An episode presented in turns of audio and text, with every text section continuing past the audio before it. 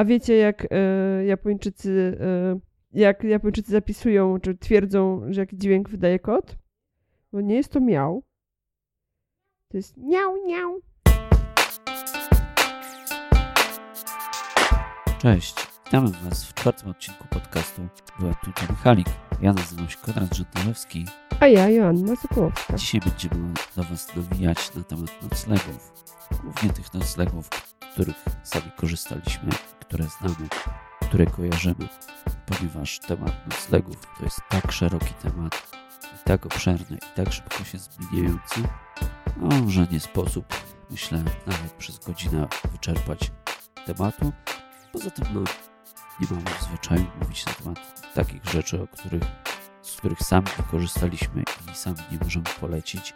E, znów zachęcamy Was do tego, żebyście dołączyli do naszej grupy Japonia budżetowo tanie podróżowanie, ponieważ tam poczytacie nie tylko o naszych doświadczeniach, ale też doświadczeniach innych grupowiczów. Tam już jest prawie 4000 osób, słuchajcie. Całkiem pokaźna grupa. Grupa bardzo aktywnych e, użytkowników. Jesteśmy sami zaskoczeni, że tyle ludzi po pierwsze wyjeżdża do Japonii w obecnych czasach, a po drugie, że e, tak wielu ludzi chętnie dzieli się swoimi doświadczeniami. Nasze doświadczenia są oczywiście trochę e, specyficzne, bo wybieramy to, co najbardziej nam odpowiada. Wiadomo, że dużo ludzi ma swoje własne mm, jakieś e, predyspozycje. Natomiast, tak jak Konrad powiedział, opowiemy o tym, co znamy i co polecamy. Jeśli jeszcze na naszej grupie nie jesteście, to powiem krótko tylko, jak tam trafić. E, Otwieramy sobie przeglądarkę, wchodzimy na Facebooka i tam jest taki adres www.facebook.com ukośnik groups, ukośnik Japonia budżetowo i klikamy sobie dołączam. E, dobrze. Noclegi w Japonii. W zeszłym tygodniu opowiadałam Wam o dosyć takiej e, charakterystycznej rzeczy, charakterystycznej dla Japonii, dla Azji właściwie, bo w innych krajach też e, podobne opcje się zdarzają, ale ta japońska była najbardziej e, taka słynna, czyli o hotelach kapsułkowych. Czyli jak się Zatem- dać zamknąć w trumnie. Zatem, jeżeli interesuje Was ten temat, zapraszam do podcastu numer 3. A dzisiaj trochę bardziej takie e, znane, mniej kontrowersyjne opcje noclegowe, chociaż nie tylko, bo jest parę takich ciekawych tematów. E, ale zacznijmy może od tego e, najbardziej mm, zwyczajnego, najbardziej powszechnego na całym świecie sposobu nocowania, czyli nocowania w klasycznych hotelach. Myślałem, że powiesz pod namiotem. Pod namiotem w Japonii nie nocowaliśmy, głównie dlatego, że bardzo często byliśmy w Japonii w porze tajfunów. No, byliśmy też zimą e, i wczesną wiosną i żadna z tych, mm, żadna ta, z tych pół roku nie, nie sprzyjała tym noclegom, aczkolwiek wiem, że są i tacy, e, którym się to udawało. Natomiast e, wracajmy, wracając do tych hoteli, e, to był pierwszy rodzaj noclegu, którego sama osobiście doświadczyłam, bo kiedy przyjechałam do Japonii po raz pierwszy, przyjechałam tam z pracy zawodowo i po prostu miałam wybrany, właściwie nawet zarezerwowany przez, przez tą uczelnię, która mnie tam zapraszała, hotel już z góry. Okazało się, że to rewelacyjny hotel e, z pięknymi pokojami przede wszystkim z pięknymi widokami. E, w moim przypadku był to widok na mm, ogród cesarski. E, Natomiast, no niestety, trzeba się liczyć z tym, że mm, nocleg w takim hotelu, dodatkowo z pięknym widokiem, no to jest już troszeczkę wyższy koszt, chociaż w porównaniu do innych zaawansowanych krajów świata nie, nie jest on taki strasznie, strasznie duży. E, Ile może kosztować taki nocleg w hotelu? Mm, Hotelu dosyć prestiżowym. E, Jest to około mm, 9, 10, 12 tysięcy jenów, jeżeli nie natrafimy na e, jakąś super promocję. Czyli po, można w zasadzie powiedzieć, że powyżej 300, 300 zł za pokój. Przy czym fajne jest to, że w Japonii bardzo często mm, pokoje w hotelach to są mm, bardzo podobne ceny, e, niezależnie od tego, czy nocujemy tam samodzielnie, czy w parze. E, Zazwyczaj te w parze są nieznacznie droższe. I to jest taki fajny bonus, e, bo możemy po prostu skorzystać na tym, że jeżeli dwie osoby, niekoniecznie w parze małżeńskiej, tudzież jakimś narzeczeństwie korzystać, ale w dwie osoby zaprzyjaźnione, możemy sobie znacznie ten koszt obniżyć. Ale są też troszeczkę skromniejsze hotele. I te skromniejsze, też w zależności od tego, jaki jest standard, mogą kosztować trochę mniej. My nocowaliśmy w takich skromniejszych hotelach dosyć często, ponieważ e, była to mm, fajna opcja, jeżeli chodzi o e, koszt w stosunku do jakości. Mnie fascynowały w tych hotelach japońskich dwie rzeczy.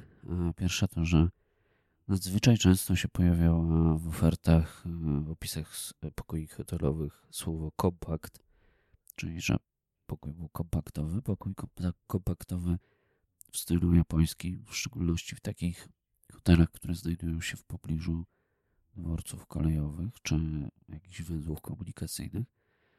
To jest taki standard, no, żeby przenocować, więc jest oczywiście pewnie jakiś telewizorek i mikrobiurko, gdzie e, biznesmeni nocujący mogą sobie e, jakieś tam swoje dokumenty przeglądać. Natomiast e, większość pokojów zajmuje łóżko de facto. E, miejsca tam za bardzo nie ma, żeby szafę wstawić, więc jest tylko zazwyczaj jakiś tam wieszak, gdzie można odwiesić marynarkę. A plecaki, jak ktoś podróżuje, czy walizki, no trzeba wsunąć pod łóżko. Nawet często po prostu na łóżku leży taka instrukcja. Jest tam napisane, że drogi gościu, miejsce na twój bagaż znajduje się pod łóżkiem. A druga rzecz, która mnie fascynowała zawsze, to jest to, że Inaczej niż na całym świecie, w Japonii trzeba dodatkowo zazwyczaj płacić za śniadanie w hotelach.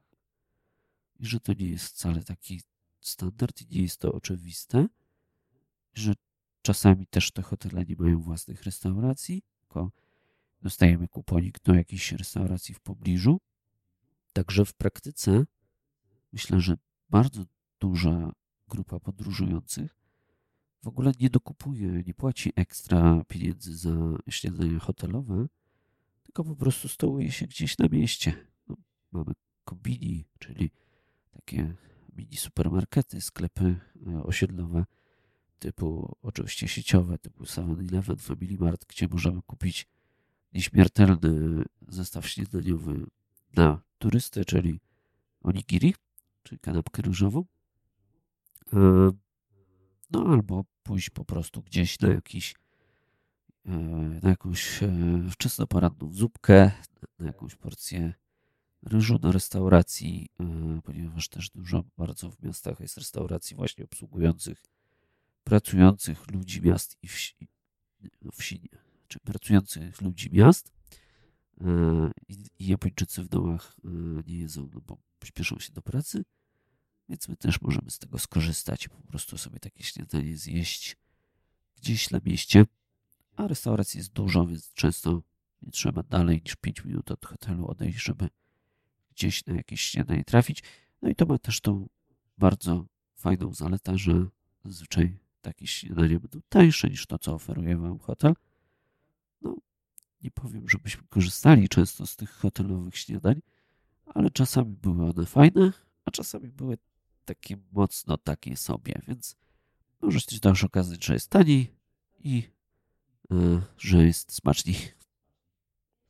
Jeśli już mowa o cenach za te dodatkowe śniadania, mm, które zazwyczaj zamawia się mm, bezpośrednio przy e, zameldowaniu, bo może jeszcze zanim przejdę do tych śniadań, to powiemy, że w Japonii dosyć e, popularną sytuacją jest to, że za pobyt w hotelu płacimy z góry, więc przychodzimy do recepcji, wspominamy, że mamy e, rezerwację hotelową. E, dobrze jest powiedzieć to po japońsku, ale w wielu hotelach jakoś sobie też damy radę e, z angielskim. Zawsze można też pokazać wydrukowane potwierdzenie, czy z Booking.com, czy z jakiegoś innego serwisu. I tutaj taki tip, jeżeli nie jesteście pewni, że hotel e, ma obsługę w języku angielskim, bo to nie, nie zawsze jest standard, e, to e, na przykład Booking.com daje taką opcję, że można przełączyć sobie język i wydrukować potwierdzenie rezerwacji po japońsku, z czego kilkukrotnie dla świętego spokoju korzystałam, mm, żeby e, ci pracownicy, mm, jak już dostaną tą kartkę z, z rezerwacją po japońsku, e, spokojnie sobie tam wszystko wypełnili. E, podchodzimy do tej recepcji, oświadczamy, że mamy rezerwację i w tym momencie trzeba dać paszport, paszport do zeskanowania. Proszę się tym nie martwić, jeżeli o to poproszą, jest to normalne. A także właśnie odpowiedzieć, czy chcemy dodatkowo wykupić śniadanie.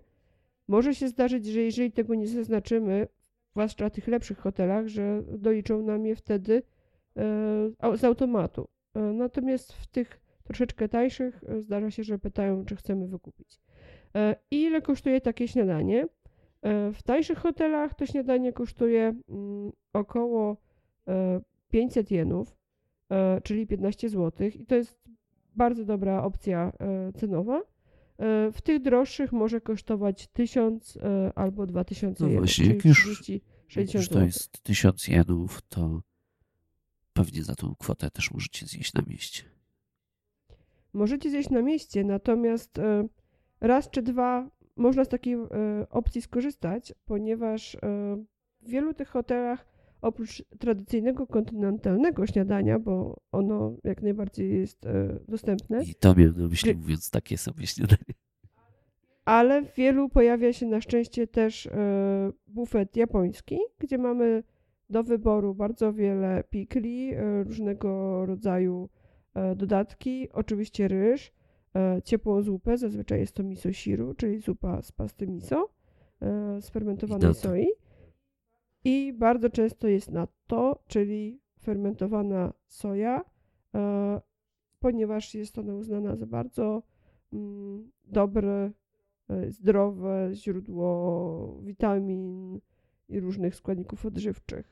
Chociaż niektórych no może to na dobry początek dnia. Tak, i, i nam też chyba się zdarzyło, że po raz pierwszy tego natto e, próbowaliśmy właśnie w hotelu e, w ramach tego śniadania hotelowego. Gdybyście go szukali, to on jest zapakowany w takie małe styropianowe pojemniczki. Coś jak mały jogurcik. Można się naprać, tak. Tam też są kultury bakterii.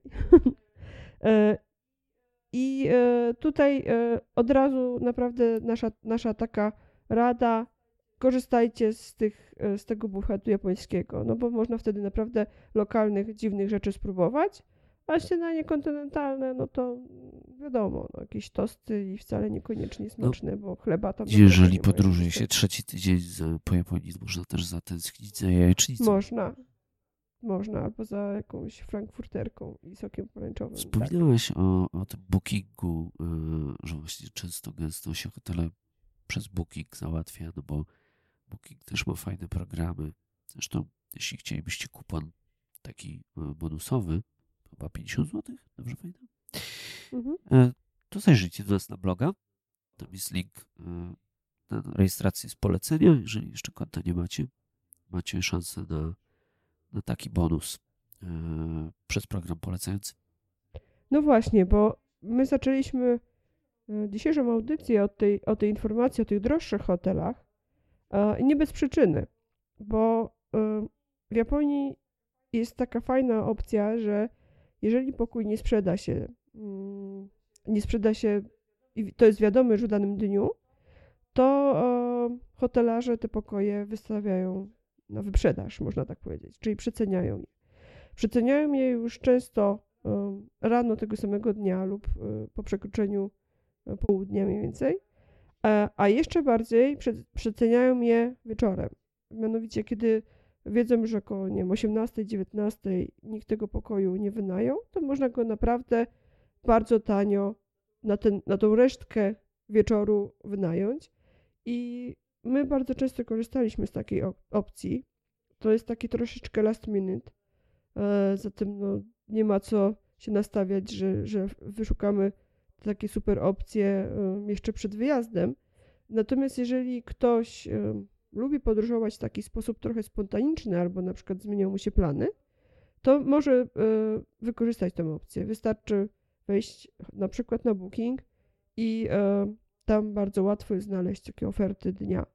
E, my z tego bardzo często korzystaliśmy nawet w ten sposób, że wybierając kierunek dalszej podróży, wsiadaliśmy po prostu w pociąg Shinkansen e, i jeszcze w pociągu, e, jeżeli udało nam się złapać internet, bo to jest bardzo dużo, bardzo dużo tuneli po drodze, więc czasami jest to trudne. Mobilny internet, A... prawda? Masz na myśli kartę Mobilny internet, tak. Albo już po wysiadce z pociągu szliśmy to jest bardzo ważna informacja. Szliśmy do um, poczekalni dla klientów Shinkansenów. To jest taka dosyć ekskluzywna e, poczekalnia, o której zresztą chyba nawet wspominaliśmy w jednym z pierwszych odcinków. E, tam zawsze jest dostęp e, darmowy do Wi-Fi. I, po prostu w tej poczekalni, popijając sobie herbatę z automatu, wyszukiwaliśmy zazwyczaj w niedalekiej odległości jakiś fajny hotel w przecenionej cenie i zdarzało nam się naprawdę w mega luksusowych miejscach e, nocować za um, cenę niewiele wyższą od tego, co byśmy zapłacili za hostel albo za bardzo skromny hotel, czyli na przykład za 200 zł za dwie osoby. Kiedyś było jeszcze tak fajnie, że Booking miał osobną aplikację, która się nazywała Booking Tonight i tam były zgrupowane te wszystkie super oferty. Tej aplikacji już teraz nie ma. E, no, korzystając z tej podstawowej aplikacji, po prostu musimy sami sobie do tych promocji dotrzeć. Niemniej no, tam są takie małe banerki po prostu, że to jest przecena i, i łatwo takie oferty odnaleźć. Dlaczego warto na takie oferty polować? Naprawdę można zanocować w super miejscach i nam e, przytrafiały się takie okazje, że na przykład nocowaliśmy na wieżowcu bardzo wysoko na jakimś nie wiem, 15 piętrze, a jeszcze kilka pięter wyżej była łaźnia e, z, gorą- z dostępem do gorącego źródła i można było sobie w ramach e, pobytu w hotelu po prostu skorzystać z wypasionego spa. I to wszystko za te pieniądze, co normalnie byśmy wydali bez żadnej takiej promocji na, mm, na nocleg. Tak, po prostu troszeczkę wyższej jakości są. Ja pamiętam też taki e, hotel, który był mega designerski i jedno z takich zaskakujących rzeczy było to, że prysznic w e, hotelowym pokoju był z widokiem, z panoramicznym oknem na e, skyline miejski, więc biorąc prysznic można było sobie oglądać nocną panoramę miasta. To było chyba nawet w Kagosimie. Tak. Ja nie wiem, czy inni mogli oglądać nas pod prysznicem w tym czasie, czy te okna były jakoś specjalnie e, zabezpieczone jakąś, jakąś folią, która nie pozwalała innym patrzeć do środka. Nie przejmowaliśmy się. Ale były rolety tam, pamiętam też. Jak ktoś naprawdę mógł e, się poczuć nieswojo, to mógł sobie e, skorzystać z tych rolet. Tak, jeszcze nadal tutaj kontynuując ten wątek bookingu, no booking czasami ma jednak też takie swoje ciemniejsze strony. Musicie wiedzieć o tym, że większość e, rezerwacji, które robicie na Bookingu, w szczególności właśnie jeżeli to są mniejsze hotele, jakieś bardziej budżetowe, nie mają swojego własnego systemu do rezerwacji, e, działa to tak, że Booking wysyła tym właścicielom hoteli maile. I po prostu jak wy rezerwujecie na Bookingu ofertę w danym hotelu, to e, właściciel tego hotelu czy recepcjonista tego hotelu dostaje maila że wy chcecie tam zanocować. No i ach, zdarzyło nam się i z tego, co czytaliśmy na naszej grupie, też e, zdarzyło się nie tylko nam, no, że gdzieś ten mail po prostu się zagubił. Nie wiem, czy w spamie wylądował, czy ktoś na recepcji tego maila nie wydrukował. No i okazało się, że e, przyjeżdżaliśmy na recepcję szliśmy i okazywało się, że no nie, mamy, nie mamy państwa rezerwacji, nie mamy państwa nazwiska. No i tutaj różnie z tego problemu się różne hotele starały wybr wybrnąć. No, zdarzyło nam się też tak, że hotel nie chciał wybrnąć z problemu, powiedział, że nie ma rezerwacji. No i, i, i co? I nie mogliśmy nic z tym zrobić. Ale yy, no, warto to też mieć na uwadze, że właśnie jeśli chodzi o takie bardziej budżetowe hoteliki, to to jest ten pewien stopień niepewności tutaj yy, związany z robieniem rezerwacji i nam i innym osobom zdarzało się właśnie, że te rezerwacje nie do końca e, grały. I jeszcze drugi taki temat, który też, e, którym warto się, myślę, warto być świadomym, warto być zainteresowanym, to to, że wysyłając te maile booking do, do hoteli, wysyłając te maile, również w tych mailach zapisuję numer naszej karty kredytowej, tak żeby recepcjonista mógł sobie ten numer wbić u siebie na terminalu i pobrać po prostu pieniążki, należność za, za noc. No i tutaj też no, jest to pewne ryzyko, prawda, że jeżeli gdzieś tam na recepcji te kartki z tymi rezerwacjami się y, walają, no to jest tam też nasz numer karty i no, sporadycznie mogą się zdarzać sytuacje, że nasza karta może gdzieś tam trafić w niepowołane ręce, dlatego tutaj też warto zawsze mieć y, możliwość zastrzeżenia takiej karty, czy mieć taką kartę typu Revolut, która jest sparowana z aplikacją. Jeżeli jakiekolwiek pieniądze z tej karty Wam y, schodzą, to od razu to widzicie. E, czy jest jeszcze jedna y, dosyć kłopotliwa sprawa z tymi małymi hotelami, budżetowymi zwłaszcza. Bardzo często recepcja nie posługuje się w dobrze komunikacyjnym rozumieniu tego słowa językiem angielskim. E, I ta sytuacja, o której Konrad wspominał, gdzie przyszliśmy i okazało się, że nie, e, nie został przeczytany mail, ja sobie chyba teraz przypominam, po prostu ten pan go nie przeczytał, ponieważ e, nie było wnuczki akurat w pobliżu, a mail przyszedł po angielsku. I ten pan po prostu zignorował to, ten problem. No, niestety z Japończykami trochę jest tak, że jak e, jest jakiś problem, którego oni nie potrafią mm, rozwiązać za pomocą znanego mm, rozwiązania, to zdarza im się ignorować trochę te problemy. Ja wiem, że dla niektórych to może być szok, ale niestety tak bywa. E, może też się zdarzyć tak, że e, tu mam takie doświadczenia chyba tylko i wyłącznie z Osaki, E, gdzie hotelarzom, mam wrażenie, w okolicach e, Namby, czyli tej najbardziej atrakcyjnej dzielnicy, gdzie znajduje się ulica Dotonbori i e, to największe skupisko neonów, troszkę tym hotelarzom tam się poprzewracało w głowach i może się zdarzyć, że w tych budżetowych hotelikach wcale nie jest zbyt czysto, albo że przyjdziecie do hotelu, e, którym tak naprawdę trwa remont. Ale to jest właśnie specyfika Osaki. Nigdzie podróżując po całej Japonii Nigdzie nie spotkaliśmy tak. z czymś takim. W Osace naprawdę, no, tak jak mówią, że e, warszawiacy to kombinatorzy. No to można powiedzieć że o Japończykach, że mieszkańcy do Bori to strasznie kombinatorzy. Oni potrafią jeden pokój na cztery podzielić, żeby to opchnąć jako noc w hostelu. Tak, zdarzyło nam się mm, nocować w takim hotelu, gdzie e, po prostu między dwoma, dwoma łóżkami była postawiona dykta. I to I były osobne ktoś... pokoje, to było listowane to były osobne pokoje. jako osobne pokoje. Na szczęście w naszym przypadku w sąsiednim pokoju za dyktą e, spali nasi przyjaciele, więc jakoś to przeżyliśmy. Zresztą mogliśmy sobie przez dziurę pod dachem podawać przedmioty. albo ale, rozmawiać. Albo rozmawiać, tak. Ale mamy bardzo złe wspomnienia, jeżeli chodzi o Osakę i o Dotonbori. Więc jeżeli będziecie szukali noclegu w Osace, jeśli w ogóle będziecie szukali noclegu w Osace, bo raczej nie polecamy, to jedyne dobre opinie słyszeliśmy tak naprawdę o oddalonych od centrum hotelach, czyli za stacją Umeda i dalej w kierunku stacji Shinkansenów, bo trzeba wiedzieć, że ta główna stacja na której zatrzymują się Shinkanseny, e, czyli Shin Osaka, znajduje się poza centrum i trzeba tak z pół godziny dojechać metrem.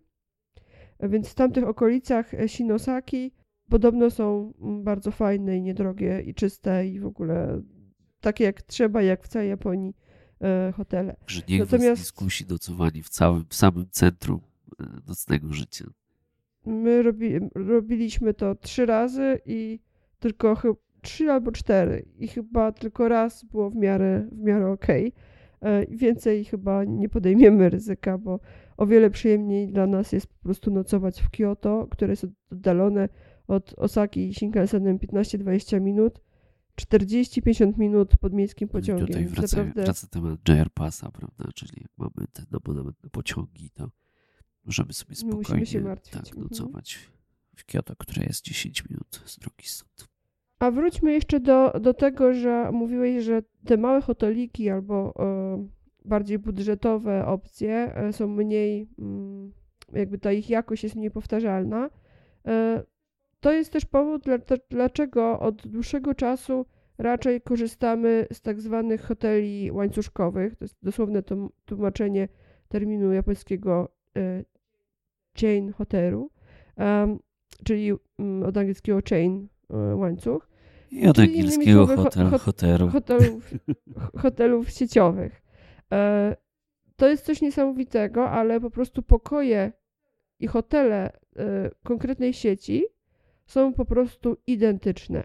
Ja miałam taką sytuację, że spałam e, właściwie dwie, trzy noce w jednym hotelu w Kyoto, a potem przeniosłam się do hotelu w Tokio, tej samej sieci i właściwie w, w, rano się wymeldowałam z jednego pokoju i wieczorem weszłam do po prostu identycznego pokoju i miałam takie straszne uczucie déjà vu, jak w ogóle coś mi się w głowie naprawdę przestawiło. Tam wszystko było identycznie. Co do centymetra, e, ustawienie mebli, kolory tkanin, e, mm, ułożenie e, poszczególnych elementów, e, nawet na biurku, karteczek, wszystkiego, czy, czy przyborów toaletowych. To jest po prostu to jest coś niesamowitego. To jest tak niesamowita powtarzalność i, i za tą jakość e, no, lubimy te hotele łańcuszkowe. Ja mam taką swoją ulubioną sieć, e, nazywa się Toyoko Inn. E, to są naprawdę kompaktowe pokoje i to właśnie w nich na łóżku pojawia się ta kartka o, o tym, że, żeby nasz wspaniały, wielki bagaż schować pod łóżkiem. I co jest dla mnie fascynującego w tych hotelach, bo Konrad wspomniał o tym, że, że jest ta kompaktowość i że są te śniadania, ale dla mnie ta kompaktowość przede wszystkim um, objawia się w łazience, e, która się znajduje w tych hotelikach.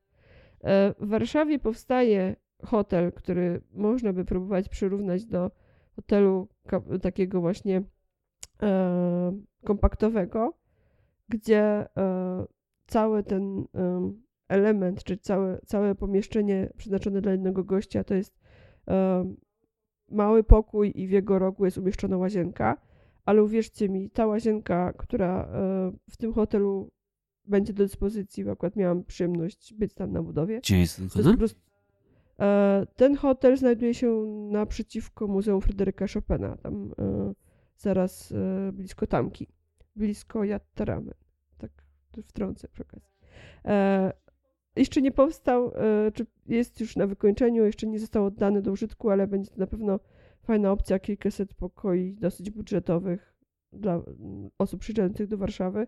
Wreszcie będziemy mieli gdzie uczciwie polecać znajomym e, nocleg. No właśnie, oni tam e... też zastosowali te moduły słynne japońskie, prawda? Tak. Że, że Japończycy, moduły... w, czy właśnie w hotelach, mhm. czy w domach umieszczają po prostu takie moduły, no nie chcę powiedzieć, że jak toj toj, ale generalnie odlane z e, plastiku jakiegoś tam rodzaju I plastiku właśnie o tym chciałam mówić. I to są takie gotowe całe kabiny. To są gotowe łazienki, e, w których e, są takie wyoblenia przystosowane do tego, żeby w, jednej, w jednym wyobleniu znajdowała się umywalka, a w drugim wanna i jest oczywiście zamontowana ta super wypasiona toaleta z funkcjami. E, I ta łazienka jest tak malutka, że ja nie wiem, to jest chyba jakieś co tam może być, nie wiem, metr dwadzieścia na, na półtora, coś w tym stylu. Konrad kiedyś robił zdjęcie mm, tej łazienki z góry.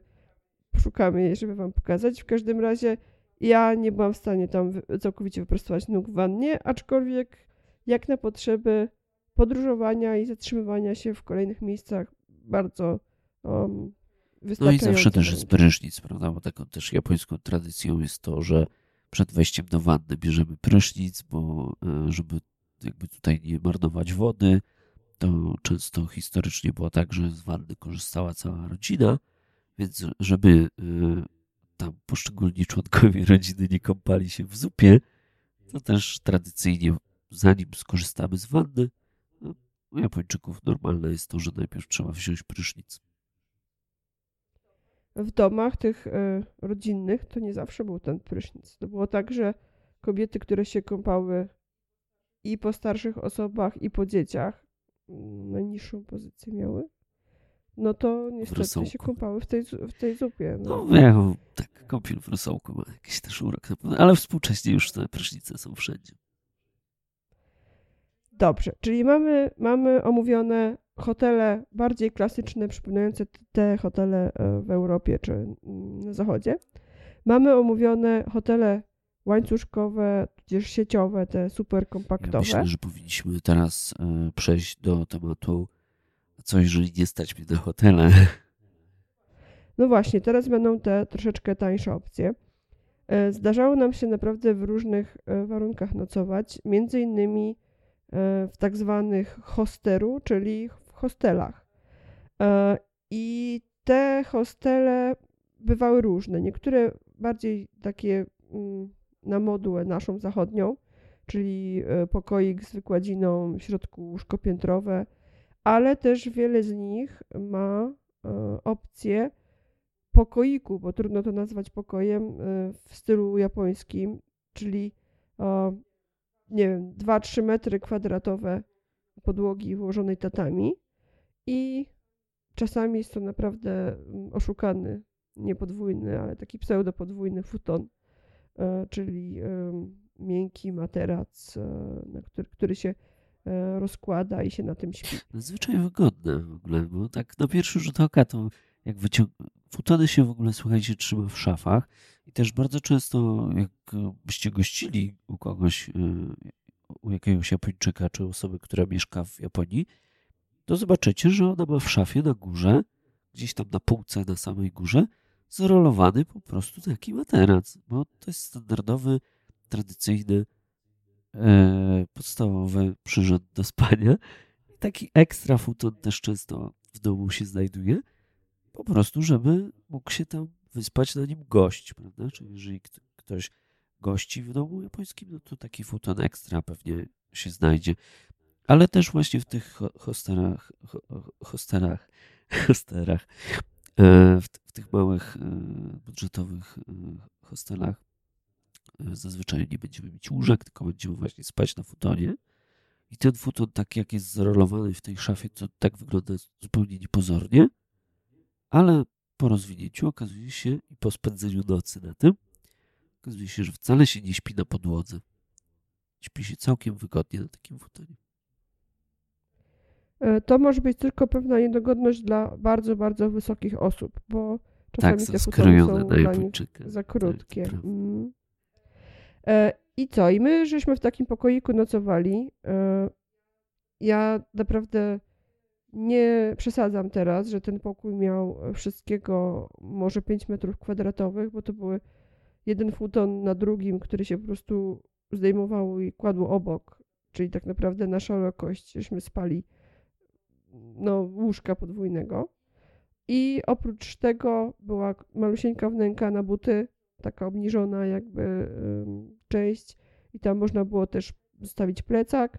No i był też przymocowany do ściany telewizor.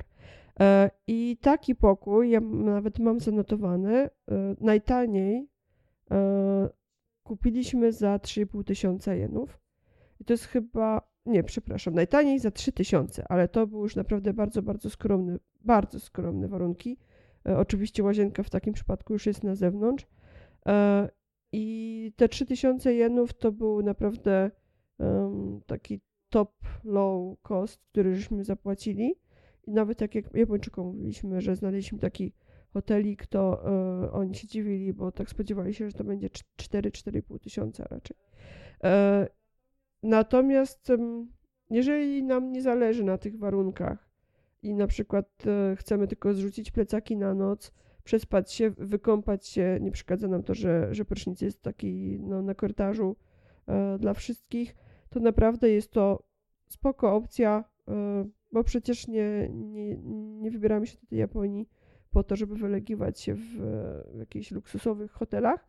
Chociaż i takie opcje można znaleźć i wcale niedrogo, tylko nie nie, nie w centrach miast, że tak powiem. Ja pamiętam, że hitem takiego hotelu bardzo ten, hostelu właściwie takiego bardzo taniego były drzwi, które miały wysokość 1,70 m.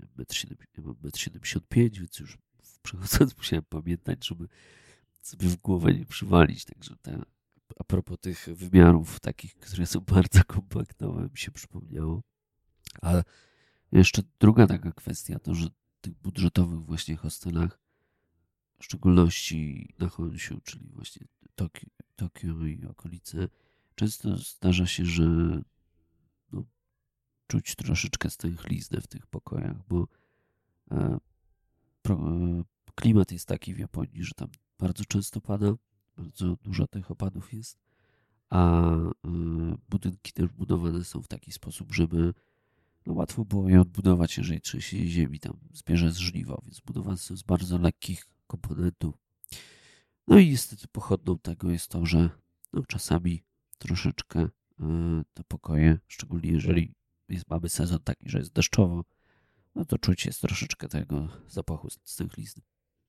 I szczególnie wtedy, jeżeli jest ta y, dla wielu wymarzona mata tatami na podłodze, bo to jednak jest pleciona słoma. To też może zam Trze zamknąć. Trzeba bardzo, bardzo uważać, bo za zamoczenie maty, za w ogóle trzeba uważać, żeby nie wchodzić, broń Boże, na nią butami. Y, no może mogą być reperkusje. Y, nam na szczęście nic takiego się nie przydarzyło ale za zniszczone tatami mogą pociągnąć nas do odpowiedzialności finansowej. No tak, lepiej, no ale to jest standardowa rzecz, prawda, że jeżeli gdzieś nocujemy w hostelu, hotelu, gdziekolwiek, no to trzeba uważać, żeby niczego nie zniszczyć, no bo pamiętajcie, że zostawiamy paszporty, swoje dane, nie dlatego, że rząd japoński potrzebuje śledzić, ilu turystów nocuje w jakich hotelach, ale właśnie dlatego, że ci hotelarze się zabezpieczają przed jakimś tam aktem wandalizmu i no, nie jesteśmy anonimowi, prawda, więc opuszczajmy nasze noclegi w takim stanie, jak je zastaliśmy, albo jeszcze wysprzątane i futony zwijamy i wkładamy do szafy.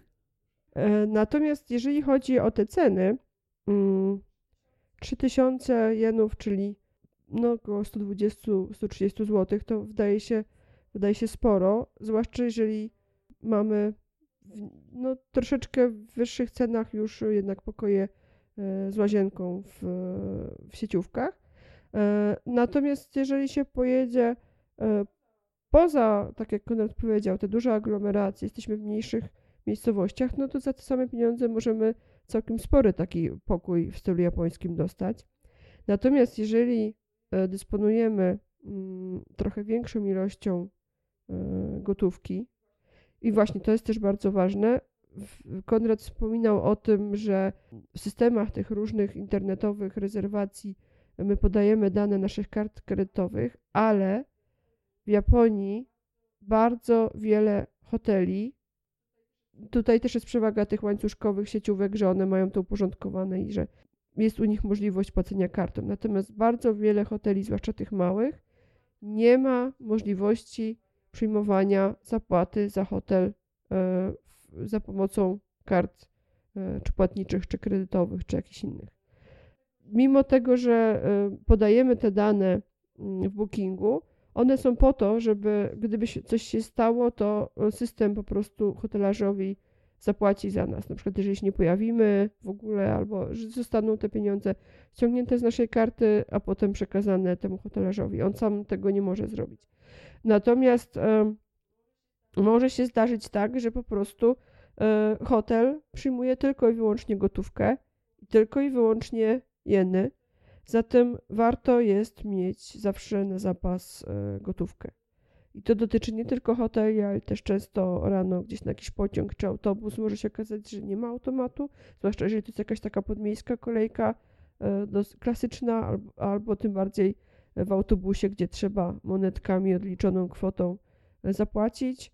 Jeszcze jakieś tysiąc jenów można rozmienić na monety. Tak, są takie rozmieniarki, ale jeżeli są większe, większe kwoty, to może być z tym kłopot, więc warto mieć tą gotówkę przy sobie. No i jeżeli mamy nadmiar tej gotówki, to możemy zafundować sobie trochę większą taką przyjemność, bo wydaje mi się, że nawet jeżeli jedziemy skrajnie budżetowo do tej Japonii, to taki jeden albo dwa noclegi troszeczkę bardziej wypasione warto sobie zapewnić dla przeżyć. I, i gdzie te noclegi warto robić? Warto, żeby to były e, te tradycyjne, eleganckie, e, starodawne hotele, które się nazywają. No właśnie, bo my tutaj gadamy sobie o hostelach, gadamy sobie o hotelach, gadamy sobie o, o jakichś tam nocowaniach, opcjach zupełnie oficjalnych i, i zupełnie takich standardowych, które można spotkać wszędzie na świecie. Ale przecież większość osób, które jedzie do Japonii, oglądały Kurosawę, albo przynajmniej oglądały e, jakieś nowoczesne e, też filmy japońskie, albo oglądały chociażby Kill Billa. I to, co nam się niezaprzeczalnie z Japonią kojarzy, to są przecież te maty, prawda, tatami. I to są te piękne papierowe przegrody, suwane drzwi, ciągi, tak. Mhm.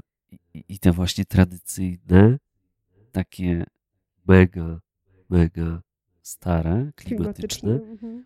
hotele, w których też można się zatrzymać. I właśnie przejeżdżamy sobie do Japonii i nocujemy sobie w takim pokoju hotelowym, e, w którym mieści się praktycznie tylko łóżko, 2,5 na 2,5 metra, prawda, i jakaś mega mała modułowa łazienka w rogu, ale gdzieś tam e, tęsknimy za tym przeżyciem właśnie, kurczę, jesteśmy w Japonii, gdzie do cholery są te, te, te, te piękne właśnie miejsca z matami, z tymi, e, z tymi papierowymi drzwiami. My chcemy takich doświadczeń zaznać, prawda? I właśnie takich doświadczeń dos- dostąpicie w hotelu typu Ryokan, e, gdzie e, prawie zawsze znajdziecie też wewnętrzny ogród, taki bardzo, bardzo klasyczny, z jakąś fontanną, gdzie bardzo często w, ramach tego e, hotelu macie dostęp do łaźni Sento, a jeżeli w regionie są gorące źródła, bardzo często są gorące źródła, to e, będzie to nawet tak zwany onsen. Tak, i, i tutaj też przypomina mi się pytanie, które na grupie było dosyć niedawno. E, Koleżanka pytała, czy jest taka opcja, żeby nocować w Ryokanie i żeby właśnie łaźnia była koedukacyjna, czy żeby można było się wykąpać, nie wiem, no pewnie chodziło o parę, prawda, z mężem, narzeczonym, czy, czy, czy coś w tym, w tym rodzaju. No i tutaj niestety jest tak, że Japonia jest bardzo tradycyjna pod tym względem i bardzo konserwatywna, więc jeżeli mamy takie właśnie nawet wspólne łaźnie, gdzie ko- kąpiemy się w dużych takich zbiornikach, no to są one podzielone, są posegregowane albo na damskie i męskie, albo jeżeli to są małe e, miejsca, bo też nam się coś takiego zdarzało, no to zwyczajnie są damskie i męskie godziny, czyli jest napisane, jest po prostu rozpiska, jest napisane, że od tej do tej mogą korzystać z łaźni faceci, od tej do tej mogą korzystać kobietki i wszyscy się do tego stosują. Na szczęście istnieją opcje, żeby wynająć taką prywatny pokój e, w tych bardziej wypasionych onsenach albo większych przede wszystkim. My korzystaliśmy z takiej opcji, wynajęliśmy sobie po prostu prywatne e, pomieszczenie z prywatną drewnianą Ale to już raczej nie w Ryokanie, prawda? Tylko w onsenach To, takich już tak, to dowolno było już w konkretnym, e, w W konkretnym Ryokanach no, zazwyczaj jest jedno, jedno, jeden onsen, no, Mhm. nie będzie jakiś mega wypasiony, pewnie będzie tam dwa, dwa, dwie czy trzy takie duże wanny, może czasami jedna albo dwie, ale nadal właśnie jeśli chcielibyście się wykąpać wspólnie, no to nie, nie ma takiej opcji. Japończycy są bardzo pruderyjni. Znamy kilka miejsc, gdzie, gdzie są koedukacyjne, e, Myślę, że o Miejsca? tych onsenach to w ogóle Wanny? powinniśmy zrobić osobny Tak. odcinek. ale to zazwyczaj były już takie bardziej w stylu parku wodnego niż tradycyjnego onsenu, więc można się pokąpać razem, ale mniejsza wtedy szansa jest na tą tradycyjność. Ale o onsenach opowiemy w od- oddzielnym odcinku. No dobrze, wracając do tych ry- ryokanów, słuchajcie, ryokany są bardzo różne. Są takie, oczywiście najbardziej przez nas pożądane, są takie mega stare i jest spora grupa takich ryokanów właśnie starych, e, dosyć małych, no, zawierających kilkanaście pokojów, powiedzmy. E, Czasami są takie, gdzie jest sześć tych pokojów, malutkie. I teraz są oczywiście nowoczesne, czyli no, nowoczesne jakieś budowle, które są po prostu zrobione w stylu ryokan, czyli jakiś taki ekskluzywny hotel, można powiedzieć spa, gdzie są dodatkowe właśnie udogodnienia. Ja widziałem takie ryokany, gdzie na przykład do pokoju przynależał ogród zewnętrzny, taras, w którym właśnie się też znajdowało, e, znajdowała wielka wanna, prawda? czyli takie rotenburo, można powiedzieć. Także też tutaj, jeżeli chodzi o te ryokany, to mamy pełen przekrój możliwości, w zależności od tego, czy chcemy wydać bardzo dużo, czy chcemy wydać e, stosunkowo mało, bo e, jesteśmy na wyjeździe budżetowym, to możemy wybierać bardzo, bardzo różne przybytki. Tutaj jeszcze mm, też taką mm, podpowiedź Wam dam. Jeżeli e, macie możliwość skorzystania z tego, e, żeby ktoś w Japonii na miejscu albo ewentualnie nawet teraz jakiś znajomy Japończyk zrobił Wam rezerwację mailowo, to bardzo warto z tego skorzystać, ponieważ do wielu takich hoteli tradycyjnych, zwłaszcza tych e, średnio, średnio budżetowych, jest niestety taka niepisana reguła, że niekoniecznie chcą przyjmować jako gości Tak, również hotel jest w stylu bardzo tradycyjnym, również obsługa jest tradycyjna, czytaj po japońsku. A chodzi też o to, że bardzo często um, Japończycy obawiają się, że obcokrajowcy nie będą umieli się um, odpowiednio zachować, że um, rozpędzą się i wejdą w butach na teren hotelu że e, rozpędzą się i nie zdejmą kapci, wchodząc e, albo wychodząc na tatami. Albo gorzej, e, wyjdą czy na korytarz, czy na tatami w kapciach łazienkowych. Bo, bo to jest jeszcze taka jedna informacja i to bardzo często się pojawia właśnie w ryokanach, ale też w, w hostelach niestety też, że do łazienki należy wejść w specjalnych kapciach. Te kapcie często są, no niefajne są, no są z dermy. E, albo no, gumowe, no, z kaczuszką. Albo gumowe. E, często jest tak, że są czerwone albo różowe e, gumiaki dla pań, a niebieskie albo zielone dla panów. Jedno i drugie z Hello Kitty. Tak, może się tak zdarzyć. Ja niestety z tymi kapciami spotkałam się też w bardzo, bardzo ekskluzywnej restauracji, naprawdę wypasionej, ekskluzywnej, tradycyjnej restauracji, która ma ponad 100 lat w, e, w Tokio, w Asaksie. E, I no nie ma wyjścia, no słuchajcie, no trzeba te, trzeba te kapcie założyć na nogi. E, no trzeba te kapcie założyć na nogi i iść w nich do toalety albo, albo do, do łaźni to jest przykra rzecz. Niestety można sobie e, jakoś zainfekować te stopy, dlatego kolejny tip weźcie ze sobą e, do Japonii jakieś spreje albo żele antybakteryjne, żeby móc sobie te stopy przecierać. Wiem, że to jest nie, niefajne, ale no, to jest od dobrego serca porada, jeżeli chodzi o te rzeczy. No i nawet w tych ekskluzywnych e, ryokanach i w tych skromniejszych może się Wam to przy, przydarzyć. Jest to niestety e, taki ich obyczaj. E, ale o czym ja tu jeszcze miałam mówić? Boją się Japończycy tego, że nie będziemy umieli zachować się w tych hotelach.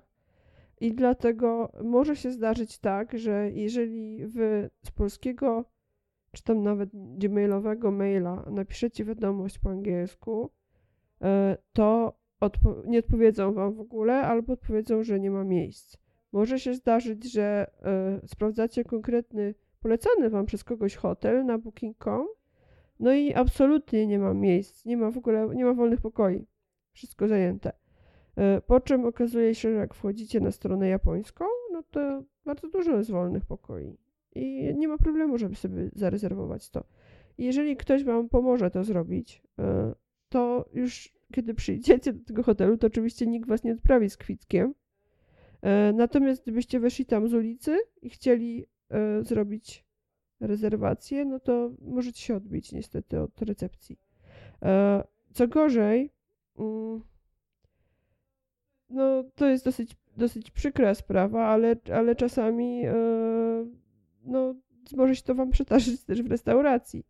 W wielu japońskich klasycznych restauracjach e, powiedzą Wam przy pustej sali, którą wszyscy widzą, że jest po prostu komplet i że wszędzie jest zrobiona rezerwacja i nie ma miejsca. I trzeba się z tym liczyć i trzeba się na to nastawić i po prostu nie przejmować się tym. Dlatego jeżeli macie jakąś opcję i nawet możecie, słuchajcie, poprosić czasami kogoś w poprzednim hotelu, w którym nocowaliście, jeżeli jest bardziej jakaś osoba wygadana na recepcji, bardziej sympatyczna, to możecie tą osobę poprosić, żeby wam zrobiła e, rezerwację już na następne miejsce, do którego się wybieracie. To jest naprawdę bardzo, bardzo pomocna sprawa. Tak. Dobrze, ale jeszcze nie powiedzieliśmy o najtańszych opcjach. No właśnie, y, czyli mamy już tak, hotele tradycyjne, hotele e, standardowe, hostele. e, No, jeszcze nie powiedzieliśmy o noclegach za 0 zł.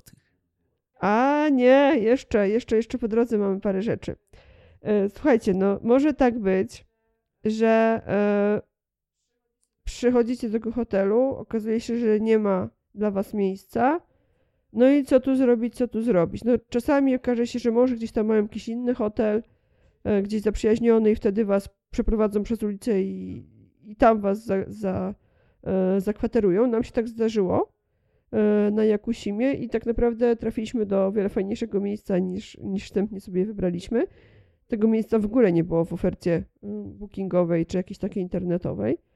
Nocowaliśmy wtedy naprawdę wypasionym japońskim ryokanie, gdzie mieliśmy ogromny Właśnie, właśnie to jest rzecz, o której nie powiedzieliśmy, że czasami w tych tradycyjnych, takich bardzo japońskich miejscach nie zdziwcie się, że się drzwi nie zamykają Znaczy w sensie nie na zamykamy się klucz, na klucz, że nie dostaniecie ani żadnej kłódki, ani, bo nie ma. nie ma w ogóle zamku, klucza. ani nie ma nic takiego. Ale to jest trochę tak, jak wam wspominałem o tych kartach, prawda, że karty, numery kart są wysyłane i że sporadycznie się kłopoty z tym wiążą. A dlaczego sporadycznie? No, tak samo dlatego nie ma zamków w domach japońskich, prawda, że tam własność e, nasza jest święta. Nikt z Japończyków nie pomyśli, żeby nam coś zabrać z domu, z naszego pokoju hotelowego, w związku z czym w ogóle nie ma potrzeby zamykać tego. Dla nas to będzie szok kulturowy, ale jak e, będziecie w Japonii, to zobaczycie, że faktycznie możecie. e, Dla mnie to był szok, kiedy byłem pierwszy raz w Japonii, na przykład robiłem zdjęcia, trzymałem 10 kilo sprzętu na plecach i po tygodniu zorientowałem się, że mogę ten plecak sobie postawić i nawet może on gdzieś leżeć 20 kroków ode mnie przy jakiejś ławeczce i absolutnie nikt nie będzie się tym interesował i, i nikt mi tego plecaka nie zabierze, ani nawet nie będzie zaglądał do środka. No bo to jest, słuchajcie, Japonia. To jest troszeczkę inaczej niż u nas. Tam jest zupełnie inne podejście do, mm, do własności. Nikomu przez myśl nie przechodzi to, żeby sięgnąć po cudzą własność, ale to w wielu e, zaawansowanych krajach e, azjatyckich. Ja myślałam, że jestem przy- przyczajona do tego, ale ostatnio, jak byliśmy w Seulu, przeżyłam naprawdę duży szok, bo chłopak e, zostawił odblokowany laptop i telefon e, w Starbucksie poszedł do łazienki i, i, po prostu nikt nie podszedł, nie Tak, to ja też, też czytałem o tym, że w Japonii w e, Starbucksach, które nadal są bardzo hipsterskie, tam e, jest taka tradycja, że właśnie jak chce się zająć miejsce sobie, to iść po kawę, to się zostawia tam laptopa otwartego i nikt inny nie usiądzie. I jak u nas się po prostu na krzesło zarzuca kurtkę, tak tam się zostawia otwartego laptopa. E, no dobrze, ale za bardzo się Tak, oddaliliśmy od tego do, tematu. wróćmy do tych rynków. E, Dlaczego o tym powiedziałam, że może się zdarzyć, że faktycznie coś z tym noclegiem nie wypali i rozłożą ręce i powiedzą, no nie mamy dla was tego pokoju. I co wtedy? Jest godzina późna, przyjechaliście do, do miasta nowego, jeszcze w ogóle w topografii się nie, nie orientowaliście. No i co wtedy zrobić? No już y, albo jest jeszcze jakaś, nie wiem, szansa właśnie złapać jakąś ostatnią promocję na bookingu, ale no jeżeli jest to powiedzmy, nie wiem, godzina, mm, nie wiem, no 11, no to bywa z tym trudno.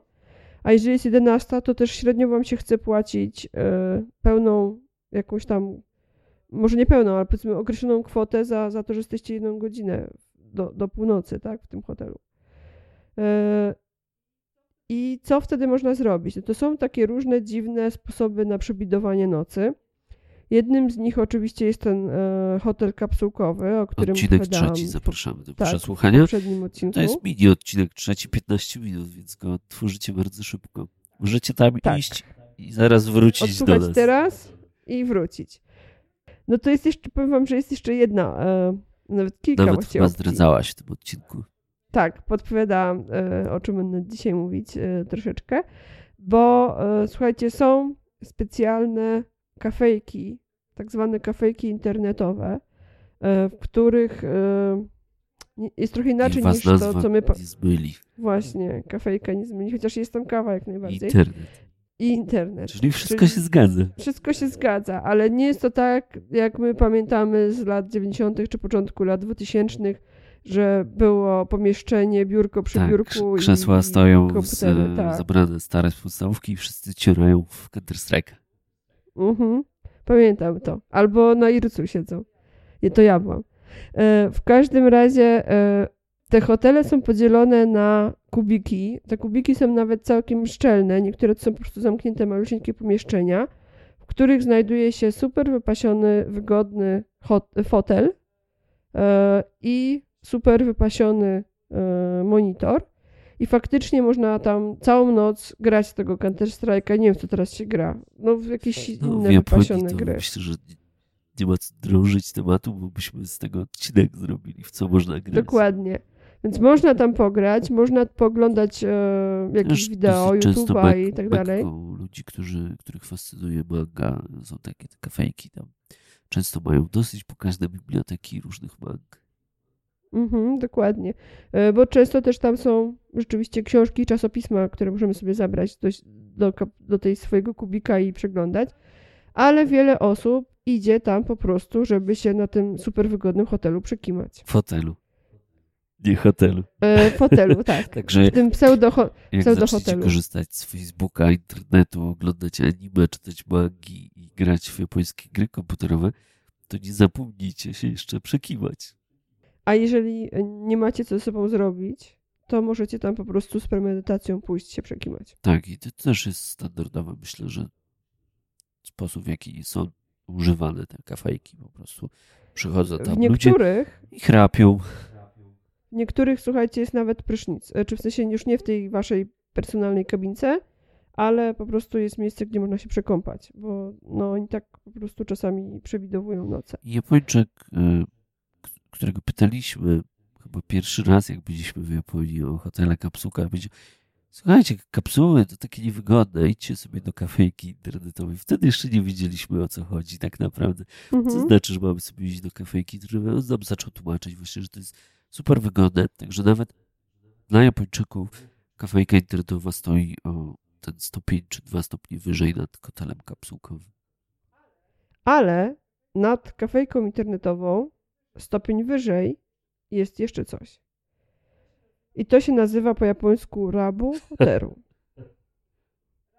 Rabu hoteru, czyli hoteru od hotel angielskie, a rabu od też angielskiego słowa love, czyli tak zwane love hotels. E, I tutaj niestety musimy się posłużyć tylko opowieściami przyjaciół oraz e, mm, znajomością kinematograf- No może, kinematografii może następnym razem, jak pojedziemy do Japonii, przy najbliższej okazji przetestujemy, zrobimy podcast na ten temat. Chcieliśmy to nawet już ostatnio zrobić, ale e, dopiero trafiliśmy na taki fajny, e, który nas zachęcał e, chyba w dzień naszego wylotu, więc wiemy, wiemy gdzie ma, mamy jeden upatrzony, mamy jeden upatrzony. E, natomiast wiele, e, bardzo wiele hoteli miłości widzieliśmy e, z zewnątrz e, w Shinjuku e, oraz w Łatwo Osace. je poznać po tym, że są wielkie neony i wszystkie okna są zasłonięte. Dokładnie. Tak sobie myślę, że tam mogą być koedukacyjne wanny. Mogą być. Zwłaszcza jeżeli, tak jak nasz znajomy Japończyk, który nam zdradził, waszym ulubionym motywem jest na przykład woda, bo on twierdził, że jego ulubionym motywem jest woda i on lubi takie niebieskie, jak coś tam plumka, może właśnie jest wanna. No, słuchajcie, temu się najbardziej ale podobają. dlaczego to jest powyżej, e, stopień powyżej, czy nawet kilka stopni powyżej kafejki internetowej? No bo w ogóle musimy, mówiąc o tych hotelach miłości, musimy wrócić do tego, skąd, skąd ten fenomen się znalazł w Japonii, dlaczego zyskał taką popularność. Ono zyskał taką popularność dlatego, że często e, właśnie przez to budownictwo japońskie, gdzie ściany dosłownie są z papieru albo z jakiejś dykty i rodziny mieszkają e, praktycznie obok siebie w sąsiednich pokojach i so- sąsiednich mieszkaniach również wszystko słychać, no to jakoś tam specjalnie życie erotyczne Japończyków nie kwitło. No i wreszcie ktoś genialny wpadł na pomysł, że żeby e, zatrzymać deficyt populacji Japonii, no to trzeba dać tym młodym Japończykom możliwość na to, żeby mogli gdzieś tam tą nieskrępowaną miłość uprawiać i, i sobie używać. No i tak właśnie powstały hotele y, miłości, mogę powiedzieć w dużym skrócie, ale y, do, do czego dążę? Chciałem powiedzieć, że e, przez to właśnie, że hotele miłości miały stać w opozycji do tradycyjnych mieszkań japońskich, które no, kojarzą nam się ze słowem oszczędne, czy kojarzą nam się ze słowem e, zagracone, Ciasne. czy kojarzą nam się ze słowem ciasne, czy kojarzą nam się ze słowem wsz- wszystko na kupie, drewne, to te hotele miłości miały nam dawać taką namiastkę luksusu, czyli właśnie była tam duża łazienka. Ten pokój w momencie, kiedy to faktycznie był wynajmowany, e, też ma odpowiedni metraż, czyli tam już nie, w hotelach miłości nie ma słowa kompaktowy pokój, prawda? Tam wręcz ważny jest właśnie wystrój, ale też ważne jest to, żeby wszystko było bardzo czyste, żeby wszystko było bardzo eleganckie i, żeby było przestronne. No i oczywiście pojawia się ten temat, e, który mm, jest atrakcyjny dla pary. E, W paru filmach mogliśmy obejrzeć e, przykłady takich hoteli. Na przykład może to być wagon metra, gdzie nie ma tego wspaniałego łóżka, o któ- o którym Konrad mówił, i tej wanny, ale za to pod ścianami są kanapy obite czerwoną dermą, e, które nawiązują do tego, jak wygląda wagon metra. Są tam wiszące te e, łapki do przytrzymywania się, rurki takie jak, no wszystko tak jak w metrze. Mogą to być e, takie już bardziej wy, wyposażone w różne dziwne sprzęty pokoje, ale tak jak mówię, my opowiadamy to wszystko z teorii, nie wypróbowaliśmy tego jeszcze samodzielnie Także Was również zachęcamy do tego, żebyście sprawdzili. No i co? Po... i może się podzielili się trochę. Tak, Podajcie na grupę i dawajcie swoje wrażenie. Chyba jeszcze takiego tematu u nas na grupie nie było. O, Nie było. To strasznie dziwne. No, może trzeba zacząć ten trend, słuchajcie, testowania hoteli i dzielenia się ra- wrażeniami Ranking najlepszych hoteli. najciekawszych Mhm. wystrojów, które tam są. Co możemy poradzić? E, No to samo, co w przypadku hoteli tych, e, nie hoteli, tylko kafejek internetowych, czyli żeby jak już traficie do tych hoteli miłości, no i zaczniecie się tam e, i się tam rozgościcie i zaczniecie się tam bawić, to też żebyście nie zapomnieli tam zanocować jeszcze. E, Ja jeszcze tylko dodam taką mm, informację, że te hotele e, miłości, one są wynajmowane na godzinę. Także, znaczy można na całą noc, to jest wtedy no już taki koszt porównywalny do hotelu, y, może niższy, może troszeczkę wyższy, Ale pokój będzie większy. od, od standardu, ale można też wynająć go na godzinę lub dwie, więc faktycznie jeżeli y, gdzieś tam utknęliśmy albo zaba- zabalowaliśmy do późna i nie mamy za bardzo jak wrócić, no to można to wykorzystać jako taki em, czas, mm, żeby tam się przespać 2-3 godziny, wziąć prysznic i, i tyle. No i pamiętajcie też, że Japończycy mają świra na punkcie higieny, więc gdzie byście nie nocowali, czy to jest hostel, czy to będzie hotel, czy to będzie ryokan, czy to będzie hotel e, miłości, to wszędzie będzie wszystko lśniło i wszystko będzie mega czyste. Tam nie będzie czegoś takiego, że prześcieradło zostało niezmienione po, po poprzednich gościach, czy że gdzieś na wykładzinie będzie jakiś tam kawałek e, włosów, czy, czy, czy jakiś kawałek chusteczki higienicznej, czy cokolwiek. No, standard jeżeli chodzi o higienę w Japonii, jest szokujący. Po prostu wszystko jest mega czyste i, i zostaniecie wpuszczeni do pokoju hotelowego, dopóki wszystko nie będzie lśniło. Z wyłączeniem Osaki. tak, to z wyłączeniem Dotonbori, gdzie wszystko będzie takie sobie. Natomiast e, gdyby ktoś chciał zobaczyć, jak się mieszka w prawdziwym japońskim domu, bo wiadomo, że e, te hotele w stylu zachodnim, no to niewiele, niewiele ciekawego dla nas e, sobą reprezentują, chyba że właśnie tą łazienką kompaktową. No i oczywiście te hotele z matami tetami czy hostele już są mega bardziej atrakcyjne. E, zwłaszcza jeżeli to są takie eleganckie ze stolikiem z, e, do serwowania herbaty, z poduchami, e, z wnęką, z, z tym wiszącym zwojem. To jest wszystko bardzo atrakcyjne, ale to też jest takie wymuskane i, i dla wielu Japończyków te ryokany też są atrakcją. Natomiast gdybyście chcieli dowiedzieć się, jak żyją Japończycy, to są jeszcze dwie opcje, o których Noclegi za 0 powiedzieć. Noclegi za 0 zł, albo jeżeli Bo się trochę krępujemy, e, mogą to być noclegi za pieniądze, bo oczywiście możemy sobie po prostu wynająć e, przez Airbnb kwatery i po prostu poczuć się u siebie, nie być skrępowanym, że się komuś e, zwalamy na głowę tak jakby niezapowiedzianie.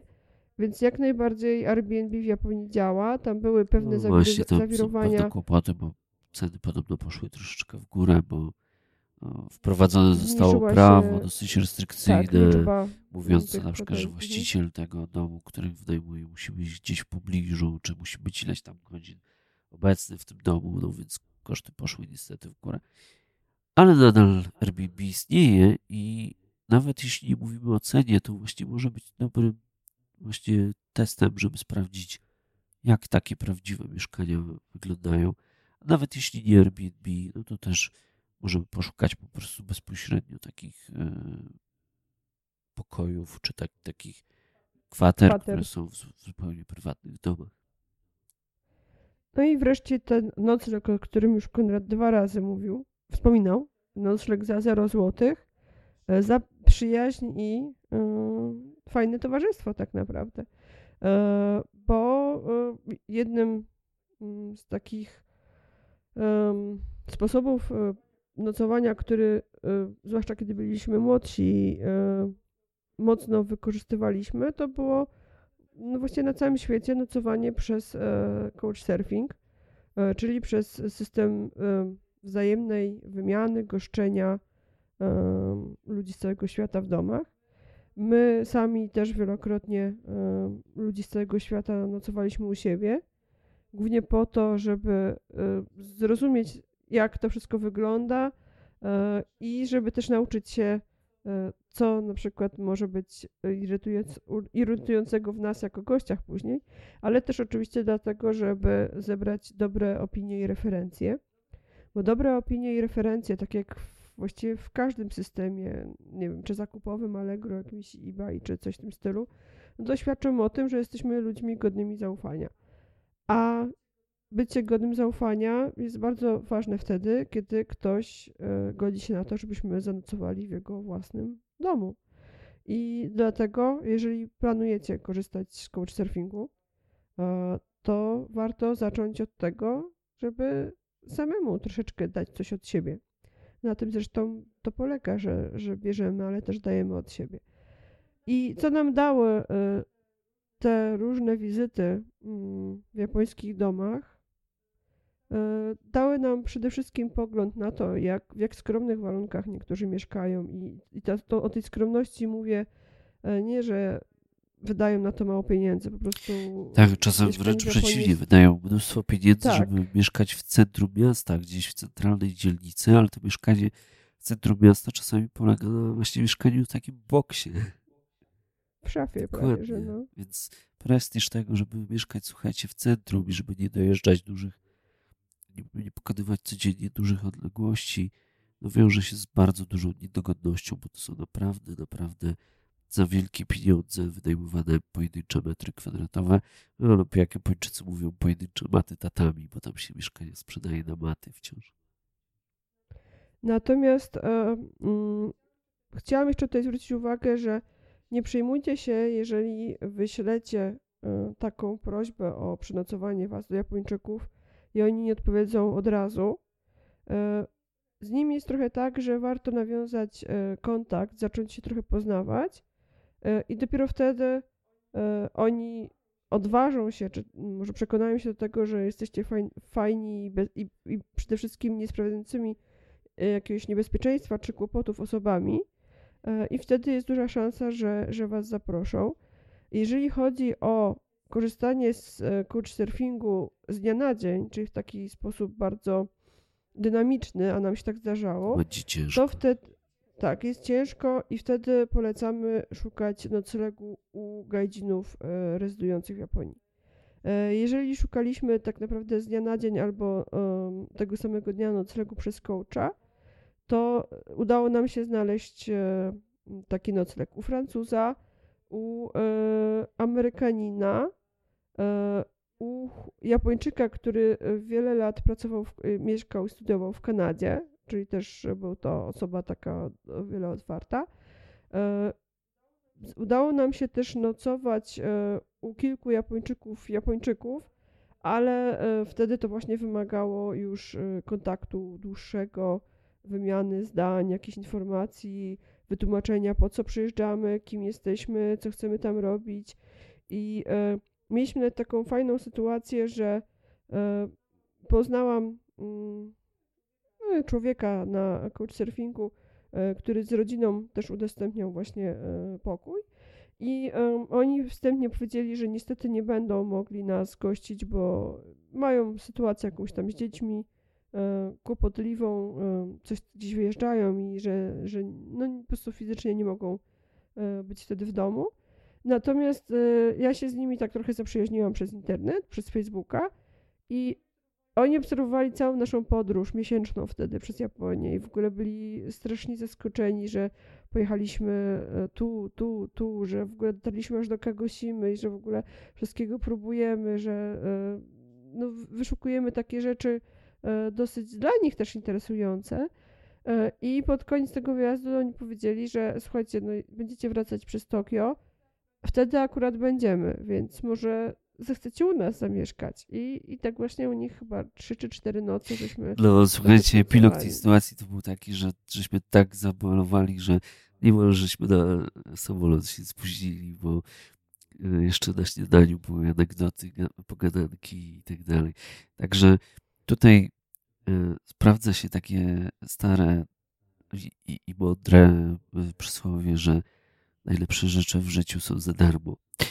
I naprawdę warto się przemóc i warto, e, no bo mamy ten wstyd, prawda, że no gdzie ja się będę komuś ładował do mieszkania. Ale z drugiej strony zobaczcie, przecież ci ludzie sami się na to zgadzają, oni sami otwierają przed wami e, swoje drzwi i wpuszczają was na swoje kanapy, dlatego, że oni też chcą poznać zupełnie innych ludzi, oni chcą zupełnie inne kultury poznać, i nawet jeżeli sami nie mogą w danej chwili podróżować, to chcą troszeczkę tej kultury i, i tych rozmów takich międzynarodowych e, po, e, doświadczać. I naprawdę ilość rzeczy, które się dzieje wokół nocowania na couchsurfingu jest, jest porażająca. Musicie spróbować tego przynajmniej raz w życiu.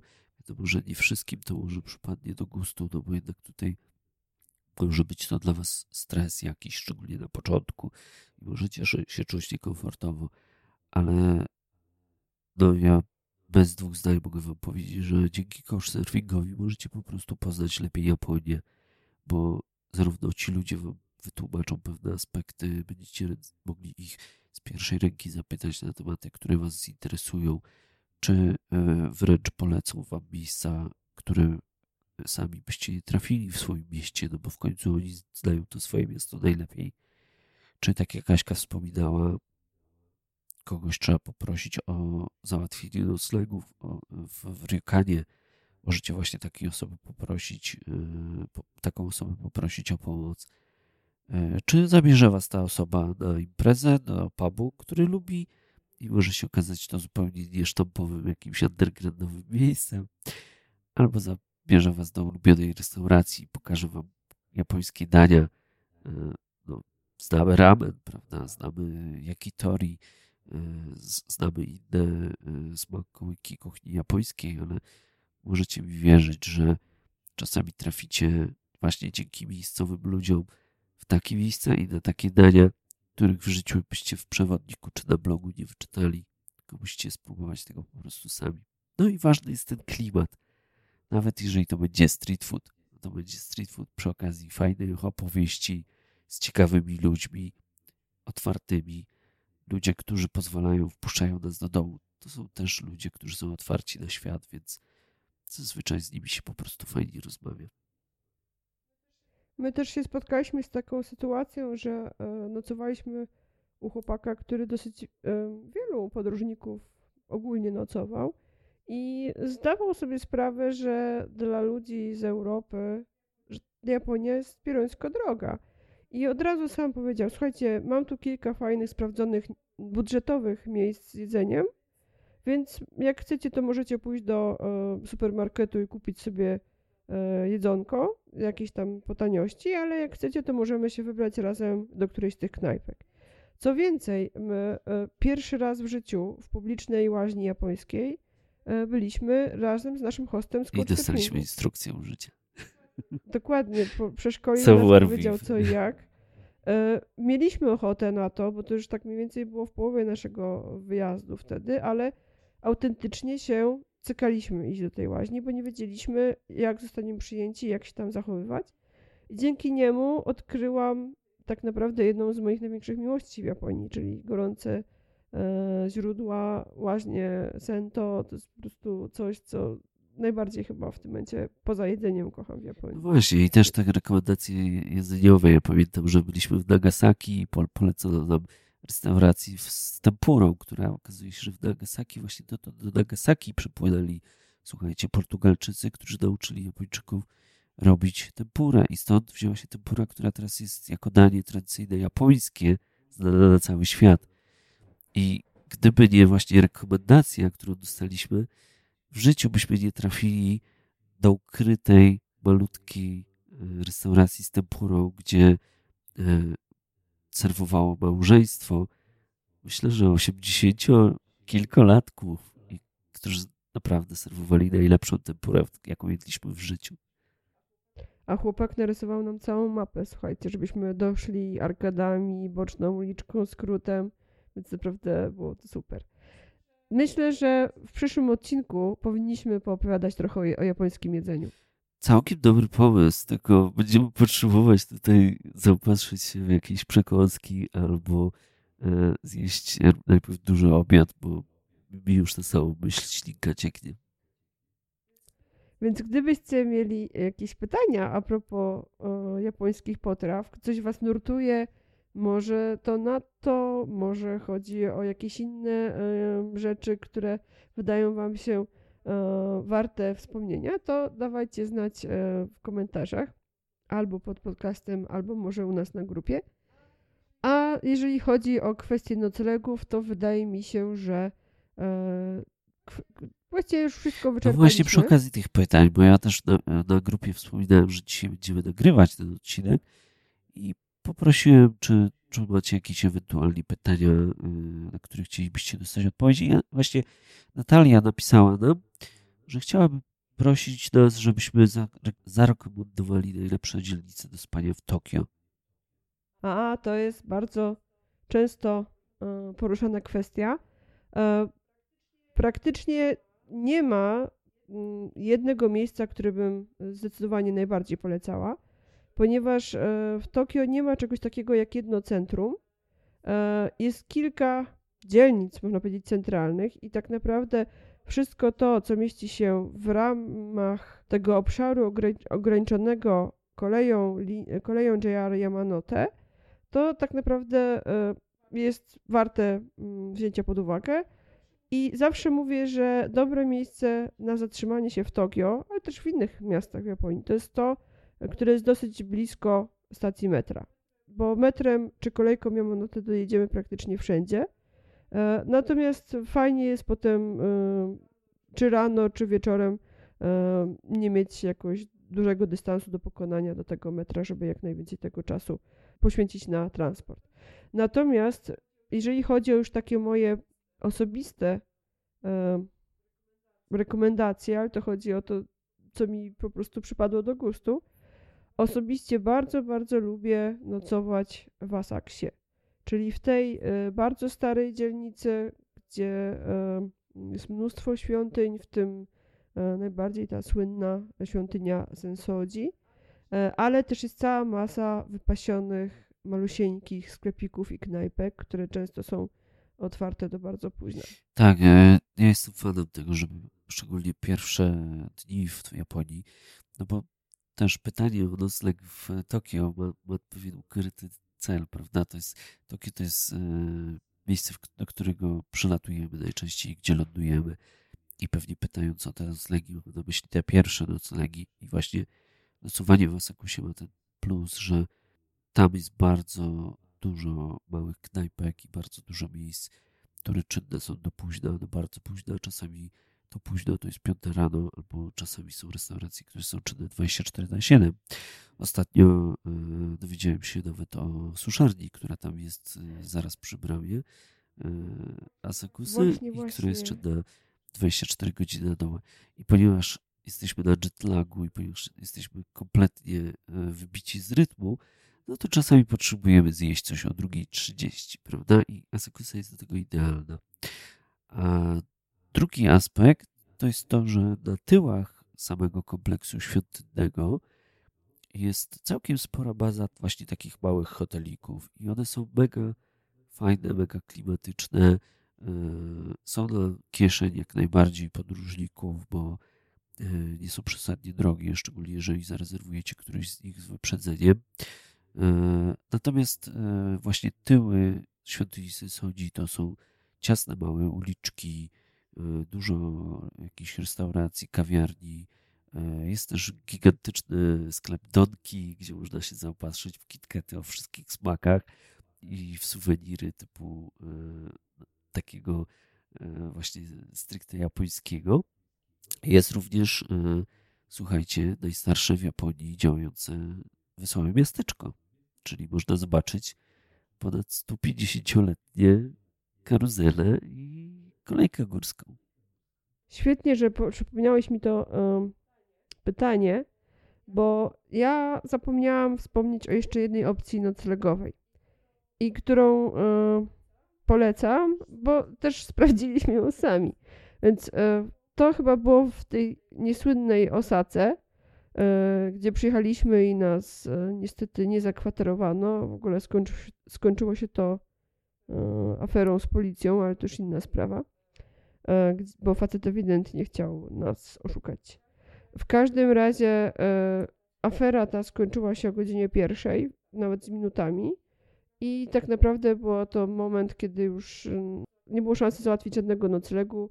E, prawie we wszystkich okolicznych hotelikach były pozasuwane kraty, które się tam otwierało na kod, więc dostać się z zewnątrz mm, komuś obcemu do środka no nie było szansy. I co zrobiliśmy wtedy? Poszliśmy, słuchajcie, do Izakai, która była czynna całą dobę. I równowartość tych pieniędzy, które mieliśmy zapłacić za ten dwuosobowy pokój w hoteliku, po prostu przepiliśmy, przejedliśmy. Zamawialiśmy po kolei wszystkie dziwne przekąski, yy, na które by nam prawdopodobnie szkoda było normalnie pieniędzy. Po prostu stwierdziliśmy, że te pieniądze były przeznaczone na, na tą noc i że po prostu przejemy i przejemy. No i o 5 rano poszliśmy sobie na pociąg i w tym pociągu już sobie dalej odespaliśmy to, to co, to, ten kredyt, który żeśmy zostawili w tej Izakai, e, tych godzin, które żeśmy zostali na nogach.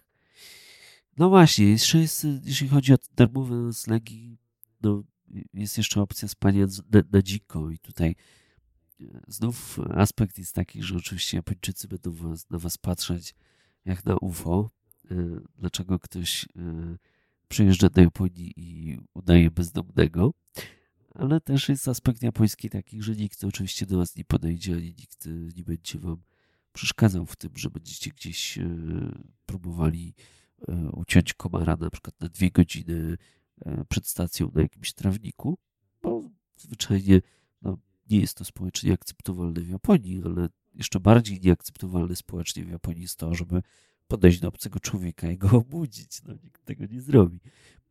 Policja tutaj też jest bardzo przyjazna. Czytałem o takich przypadkach, że jeżeli e, kogoś obudzili, kto właśnie sobie spał na trawce czy drzemał, e, to to, żeby sprawdzić, czy wszystko jest ok, a nie po to, żeby powiedzieć, że e, właśnie ma, ma, ma uciekać. Tylko wystrzegałbym się rozstawiania jakichś namiotów, słuchajcie, czy, czy hamaków, czy szałasów, czy czegokolwiek podobnego, no bo to jest zabronione i tutaj no, możecie, możecie mieć jakiś konflikt i, i może się to e, właśnie policji nie, nie spodobać. Także nie rozstawiajcie namiotów na dziko w centrum Tokio w jakimś parku. Ja też, e, jeżeli chodzi o spanie w parku, ucinanie komara na ławce tudzież na trawce, e, słyszałam od członków naszej grupy, że dosyć dobrze sprawdza się park w Hiroshimie. Podobno bardzo dobrze się tam śpi. Gdyby ktoś poszukiwał takiego miejsca, które już jest sprawdzone, to polecam. No i kolega, ko, kolega Michał też na grupie pisał wczoraj, że yy, yy, zdarzyło mu się spać na stacji kolejowej, bo o ile stacje kolejowe te, w dużych miastach są zamykane na noc, to swoją drogą jest niezły numer, bo musicie uważać na bagaże, żeby wasze bagaże nie zostały zamknięte razem z dworcem, bo stracicie dostęp do nich na całą noc. Nam się to udało kiedyś zrobić. E, no to, że właśnie malutkie jakieś dworce gdzieś na jakichś stacjach kolejowych na prowincji, no, nikt się tam nie interesuje tym i nie zamyka jej na noc, więc jeżeli macie sytuację na przykład podbramkową, bo skończyły się fundusze, albo nie byliście w stanie zarezerwować noclegu, no to jest to jakiś dach i jest to jakieś spokojne miejsce, gdzie też yy, można sobie przekiwać. Michała pozdrawiamy w ogóle. Michał prowadzi bloga, e, kociego bloga, więc jest to temat nam bardzo bliski. Ja jeszcze e, od siebie przypomnę taką historyjkę. E, byliśmy kiedyś na Sakuradzimie, to jest aktywny wulkan na bardzo takim dalekim skraju południowym wyspy Kyushu i trochę za, za długo żeśmy spędzili na trasie trekkingowej tam przy tym um, wulkanie. Dotarliśmy do takiego punktu widokowego, e, gdzie e, wszystko już było pozamykane, ale e, otwarta była gigantyczna łazienka. To była gigantyczna łazienka też dopasowana do tego, żeby wózki e, niepełnosprawnych mogły tam wjeżdżać. E, I ta łazienka była otwarta, jak się wchodziło, to się mm, z fotokomórki włączało światło. Wszystko w środku było działające. Oczywiście było sterylnie czysto.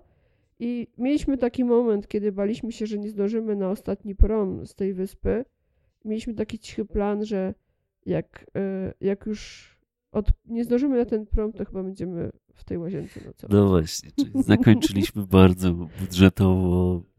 E, nie bójcie się, Japonia nie gryzie E, też często na naszej grupie taki temat się pojawia, że słuchajcie, ja nie mam z kim jechać do tej Japonii. Czy ktoś na grupie by w danym terminie chciał ze mną pojechać? Posty w tym stylu się pojawiają. Albo może już się Czy można się wybiera, tak? dopiąć? Absolutnie, jeżeli chodzi o Japonię, to, to jest raj dla samotnego podróżnika. Tam nie grożą wam żadne niebezpieczeństwa. To jest tak E, wysoko cywilizowany kraj i tak bardzo ceniący, tak bardzo to są ludzie ceniący sobie prywatność i tak bardzo dbający właśnie o czystość, o higienę, że no nie ma tak naprawdę lepszego kraju do podróżowania samemu niż Japonia. No wiadomo, że Tajlandia, czy yy, Wietnam, czy, czy inne azjatyckie kraje, takie bałaganiarskie, bardziej są bardziej backpackerskie niż Japonia, przez to, że są bardzo tanie, ale w Japonii również można bardzo dużo rzeczy zrobić za, za 0 zł. Więc jeżeli macie wątpliwości lub boicie się, to nie bójcie się. I również e, jeszcze raz zachęcam Was do korzystania z tego couchsurfingu, bo no, można dzięki couchsurfingowi nawet zdobyć przyjaźń na całe lata. Tak jak nam to się zresztą udało. No i tym optymistycznym akcentem myślę, że na koniec y, możemy przypomnieć o naszej grupie, której powinniście dołączyć. Grupa jest na Facebooku. Nazywa się Japonia budżetowo tanie podróżowanie. E, ponad 3800 osób, chyba już 3900 będzie jutro. Coś tak mi się wydaje. E, jest tam na tej grupie i naprawdę szereg tematów, które tam dyskutujemy, na pewno jest dużo bogatszy niż to, co jesteśmy w stanie nagrać, nawet nagrywając podcasty co tydzień przez cały rok. Także zapraszamy i dyskutujcie, dzielcie się z nami swoimi japońskimi e, przemyśleniami, swoim japońskim bzikiem. E, natomiast wszystkich Was zapraszamy za tydzień. Tak jak Aśka wspominała, postaram się troszeczkę powiedzieć na temat tego, jak już pojedziecie do Japonii i wiecie, jak się tam do Japonii dostać, bo o tym mówiliśmy, jak się po samej Japonii poruszać. I teraz już wiecie, gdzie w Japonii spać, posiadając różnej y, wielkości budżet, no to musimy porozmawiać y, na poważny temat, mianowicie jak w Japonii nie umrzeć z głodu. Też bardzo serdecznie zapraszamy Was na bloga w każdym e, poście, który publikujemy przy okazji e, powstania podcastu, zamieszczamy też e, linki, które mogą Wam się wydać przydatne. Tym razem podrzucę parę sprawdzonych sieci hotelowych, może też parę miejsc, w których nocowaliśmy i które szczerze polecamy. I co? I zapraszamy Was też do E, przeglądania treści na naszym Facebooku. Tak, i tradycyjnie też zapraszamy Was do subskrybowania podcastu, żebyście nie przegapili nowych odcinków. Na większości platform można nas śledzić i na urządzeniach Apple'a, czyli na Apple Podcast, tudzież iTunes, i na Spotify'u, i na SoundCloudzie, i na podcastach Google'a, i w kilku innych miejscach, na przykład Podcast Addicts, także Wszędzie tam nas subskrybujcie, żebyście nie przegapili kolejnego odcinka.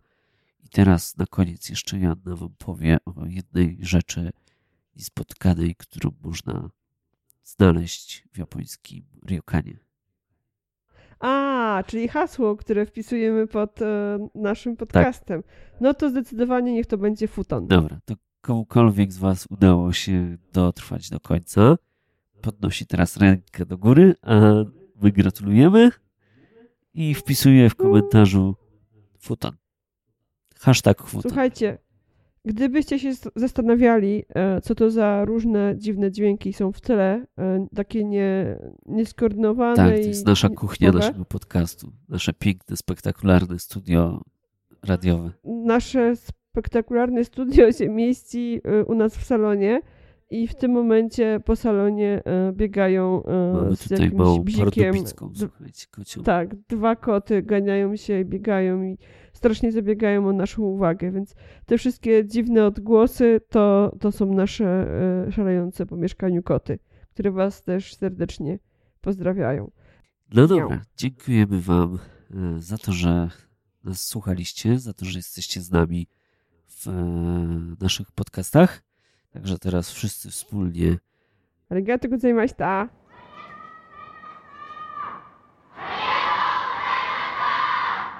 I do zobaczenia za tydzień. Cześć, papa.